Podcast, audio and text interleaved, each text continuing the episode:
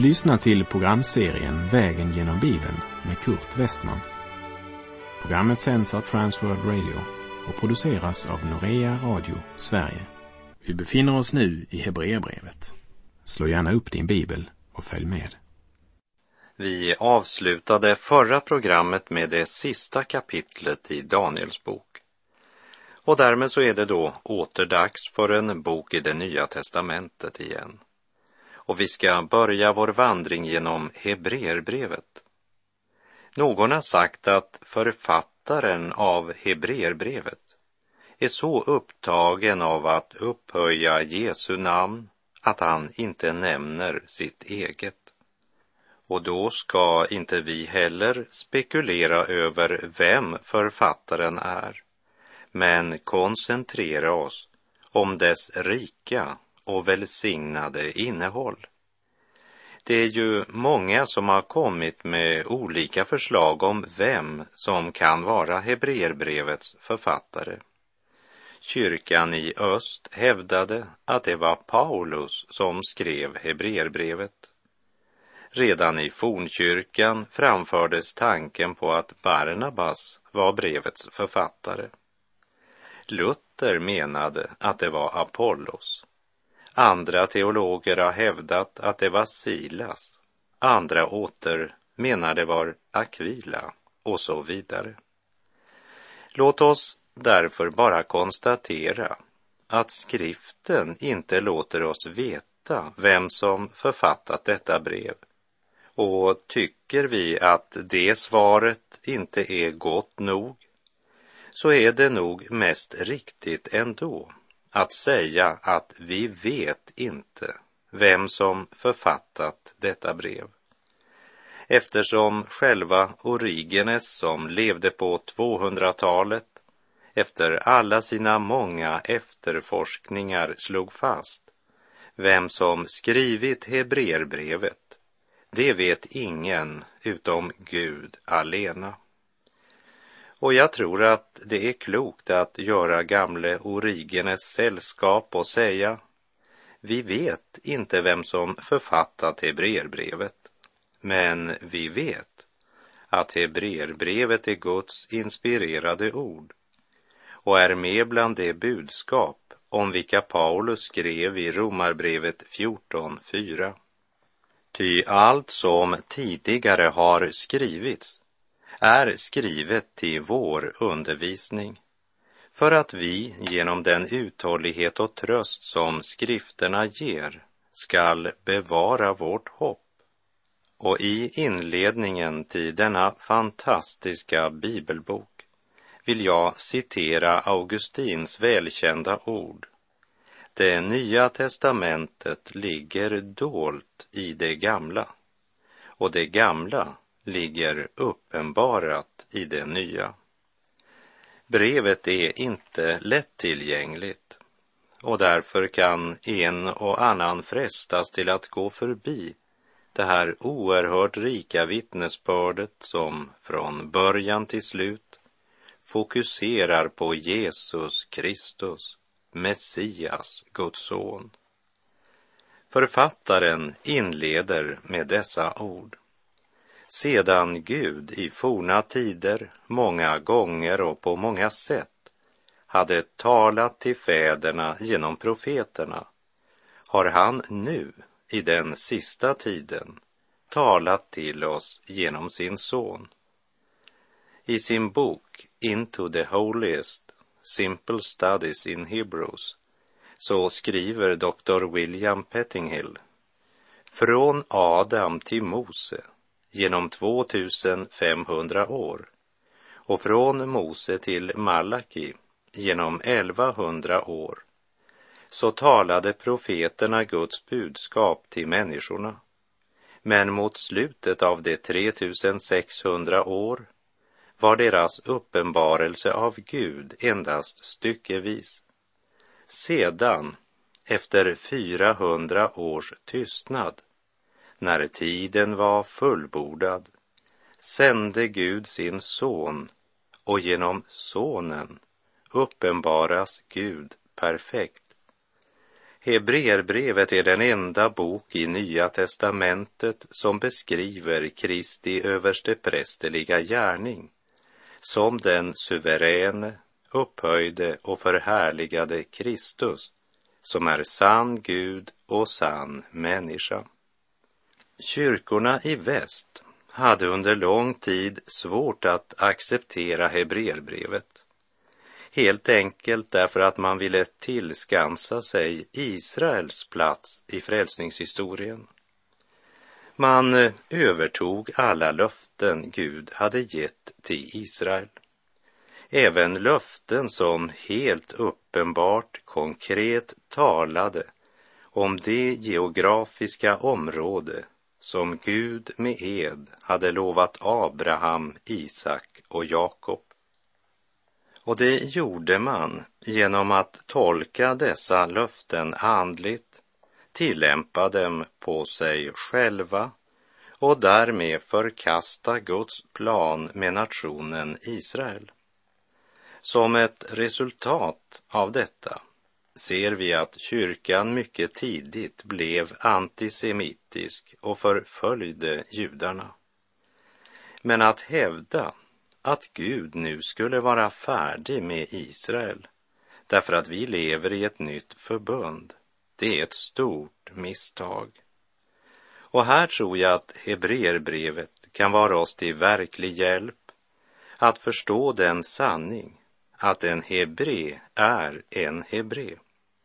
Och när han kommer till tro på Jesus så är han fortfarande en hebre.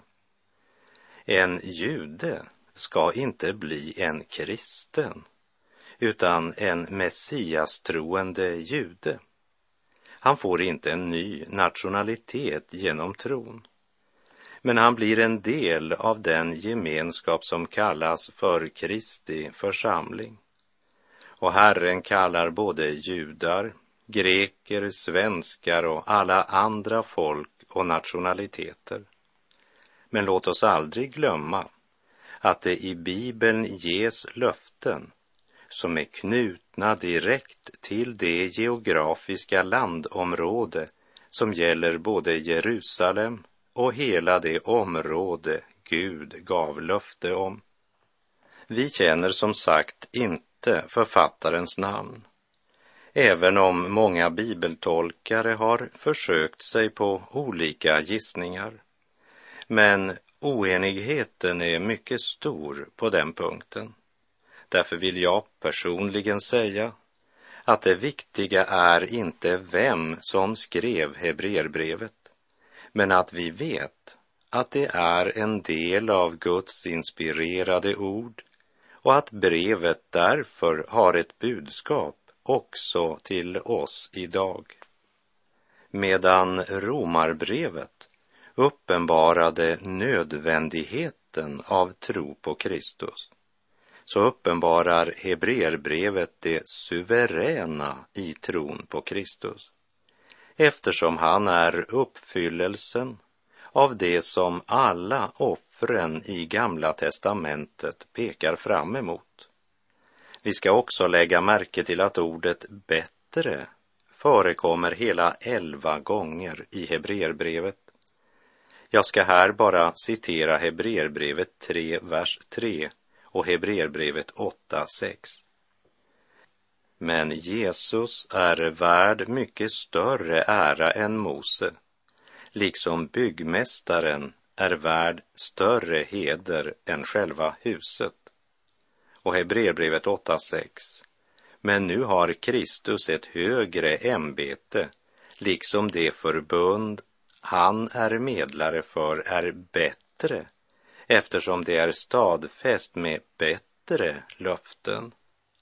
Brevet är riktat till hebreer som kommit till tro på Messias, men som ändå fortfarande tilltalas av templets yttre härlighet och prakt och av gudstjänstritualen, de religiösa ceremonierna och som därför har en tendens att fastna i traditionerna.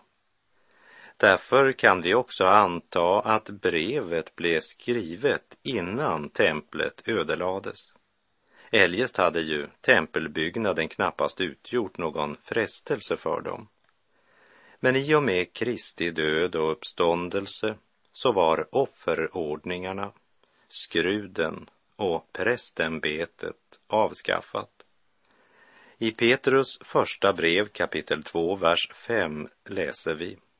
Och låt er själva som levande stenar byggas upp till ett andligt hus, ett heligt prästerskap som ska frambära andliga offer som Gud tack vare Jesus Kristus tar emot med glädje. Och i Petrus första brev 2, vers 9. Men ni är ett utvalt släkte, ett konungsligt prästerskap, ett heligt folk, ett Guds eget folk, för att ni ska förkunna hans härliga gärningar, han som har kallat er från mörkret till sitt underbara ljus. Men det var inte lätt att bryta med en gammal invand tradition. Ibland kan gudstjänst, organisation, verksamhet, lära och ämbetstradition bli viktigare för oss än Gud och personlig gemenskap med honom. Låt oss meditera lite grann över vad det har att säga dig och mig idag i vår situation. Vad är viktigast för oss? Vår organisation eller personen Jesus Kristus?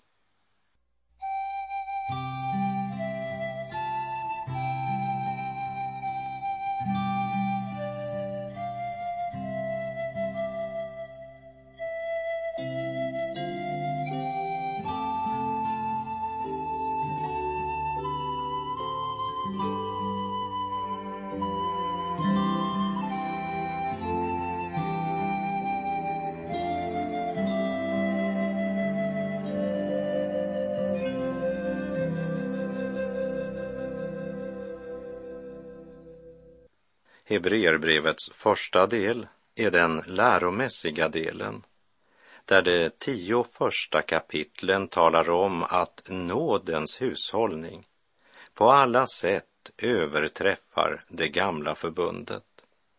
Den andra och sista delen undervisar om den praktiska konsekvensen av att vi i Kristus äger bättre löften och större ansvar. Och det är min bön att under vandring genom Hebreerbrevet ska Herren uppenbara för dig och mig något av den andliga rikedom och eviga kunskap som finns i detta brev. Jag känner mig varken kompetent eller värdig att vara guide genom detta mäktiga brev. Men så har det ju egentligen varit även när det gäller de andra bibelböckerna vi vandrat genom. Men som en av våra trosfäder svarade, när en man klagade över att han inte var värdig den uppgift han fått. Varför ska du alltid tala om din ovärdighet när Gud aldrig har frågat efter din värdighet? Hebreerbrevet har verkligen mycket att säga när det gäller frågan om prästtjänstens betydelse och funktion. Eftersom det gör helt klart för oss att det levitiska prästadömet är avslutat i och med att Kristus blev vår överste präst. Den gamla paktens prästadöme med altare och skrud det var bara en skugga som var förebilder för Kristi fullkomliga gärning. I och med Kristus har vi nu endast en medlare mellan Gud och människa. Och det är Herren Jesus Kristus. Och den som hävdar något annat, han går emot Guds ords vittnesbörd. Och jag tror att det är viktigt att vi har klart för oss att det här brevet riktar sig till hebreiska troende som stod mitt i brytningen mellan två förbund.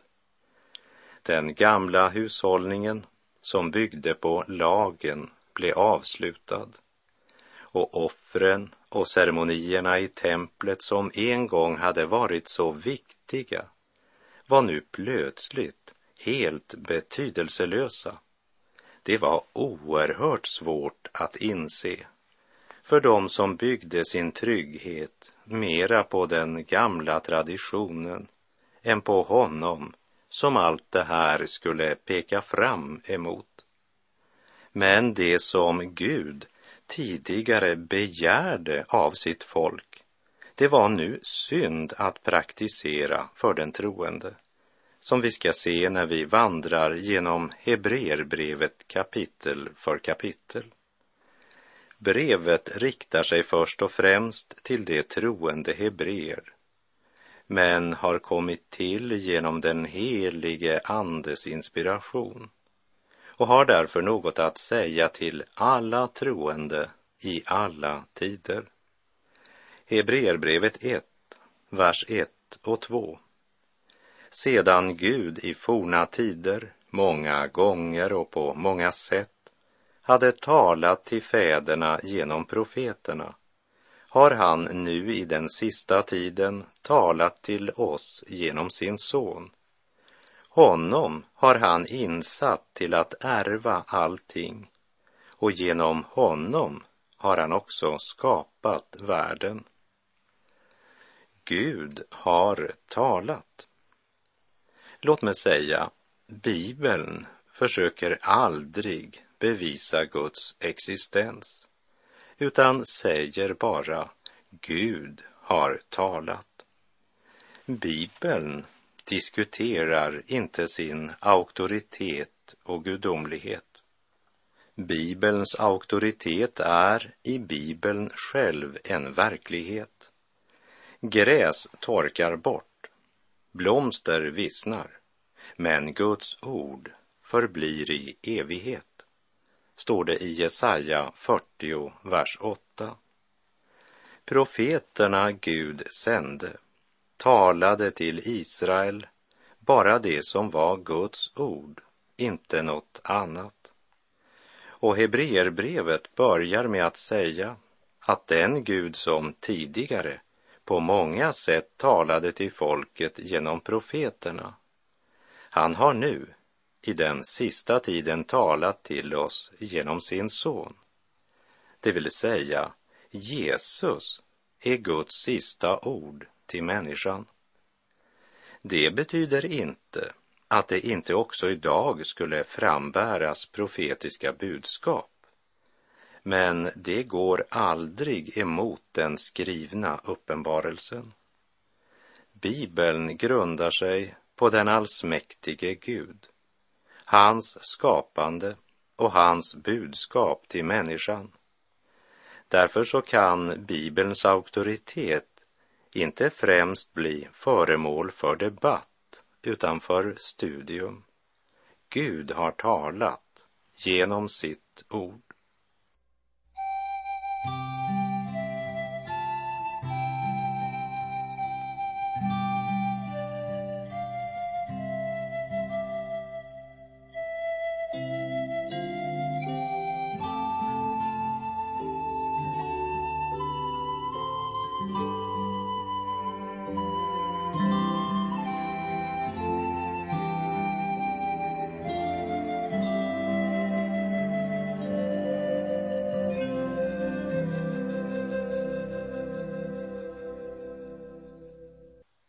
Gud talade till Abraham tydligen genom drömmar och genom att sända Herrens ängel till honom.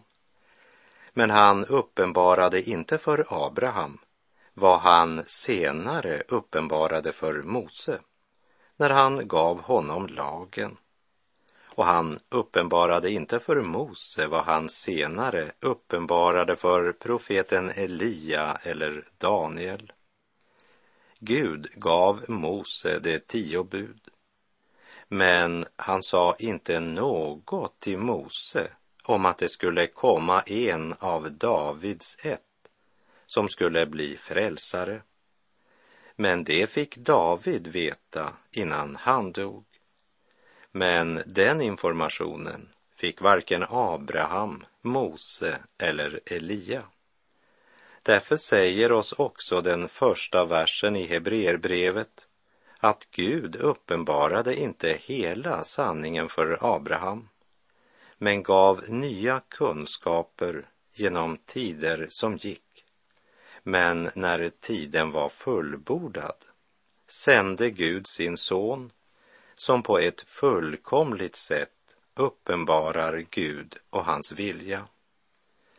Utan att först försöka bevisa Guds existens så börjar brevet bara med att säga att som Gud i forna tider många gånger och på många sätt hade talat till fäderna genom profeterna har han nu i den sista tiden talat till oss genom sin son. Om du förnekar Guds existens så är det du som har ett problem, inte Gud. Om vi tar en liten människa som i sitt högmod förnekar Guds existens och så ställer vi honom vid sidan av Gud så blir det ganska uppenbart varför Gud inte slösar tid på att bevisa vem han är. Ty den som kommer till Gud måste tro att han är till och belönar den som söker honom, säger Hebreerbrevet 11.6. Gud har talat till oss genom sin son och genom Herren Jesus har Guds löften gått i uppfyllelse. Jesus är Guds sista ord i mänskligheten. Därför bör vi lyssna till honom. Honom har han insatt till att ärva allting och genom honom har han också skapat världen.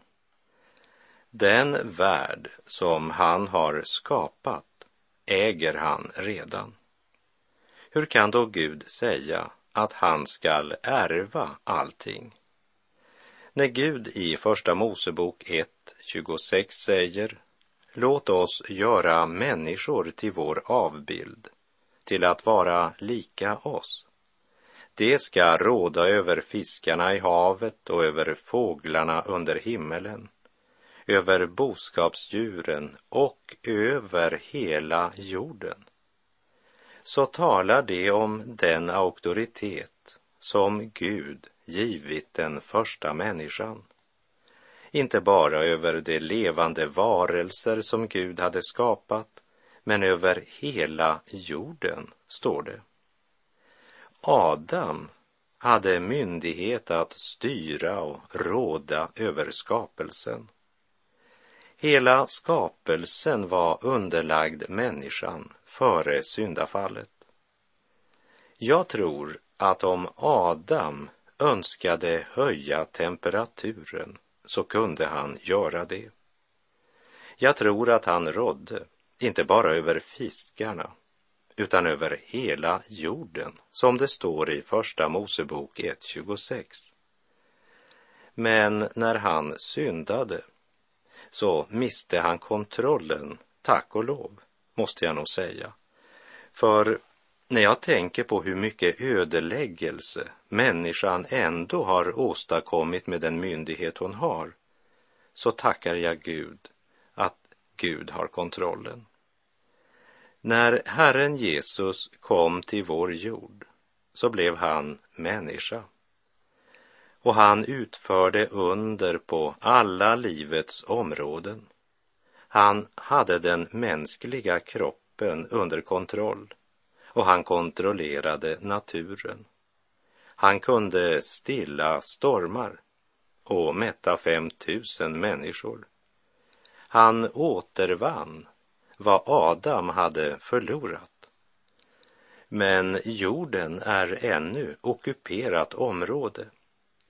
Synden råder här in till den dag då Satan för alltid kastas ut, då synden döms och Guds rättfärdighet för evigt ska råda. När Guds rike står fram i ära, makt och härlighet.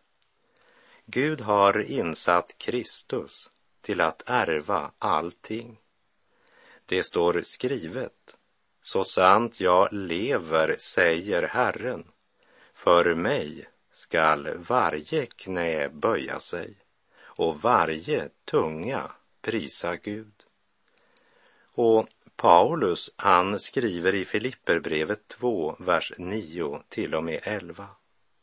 Därför har också Gud upphöjt honom över allting och gett honom namnet över alla namn, för att i Jesu namn alla knän ska böja sig, i himlen och på jorden och under jorden, och alla tungor bekänna Gud, Fadern till ära, att Jesus Kristus är Herren. Och det uttrycks alltså så här i Hebreerbrevet. Honom har han insatt till att ärva allting. Kristus skall ärva allting och i ljuset av den sanningen så är det fantastiskt att läsa vad Paulus skriver i Romarbrevet 8.17. Men är vi barn är vi också arvingar, Guds arvingar och Kristi medarvingar, lika visst som vi lider med honom för att också bli förhärligade med honom. Guds ord säger Kristus ska ärva allt och den som tror på honom, han är Kristi medarvinge. Så sjung du medarvinge, Kristus lever än. Han är nu vår broder, Gud, vår far och vän. Kristus är uppstånden, så var hälsningen. Dödad blev vår Jesus, men stod upp igen. Men låt oss inte glömma sammanhanget som det löftet står i. Men är vi barn är vi också arvingar, Guds arvingar och Kristi medarvingar, lika visst som vi lider med honom, för att också bli förhärligade med honom.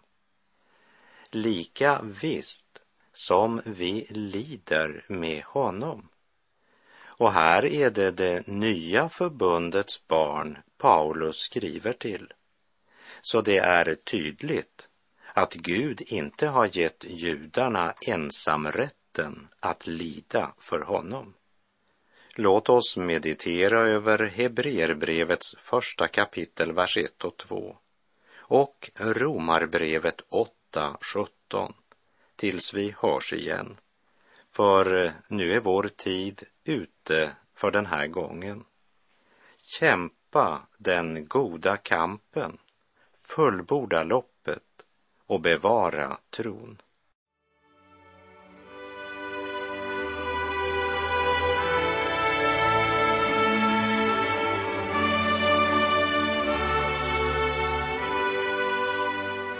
Du har lyssnat till programserien Vägen genom Bibeln med Kurt Westman som sänds av Transworld Radio. Programserien är producerad av Norea Radio Sverige. Om du önskar mer information om vårt radiomissionsarbete så skriv till Norea Radio Sverige, box 3419 103 68 Stockholm. Adressen är alltså Norea Radio Sverige, box 3419 Postnumret 10368 Stockholm.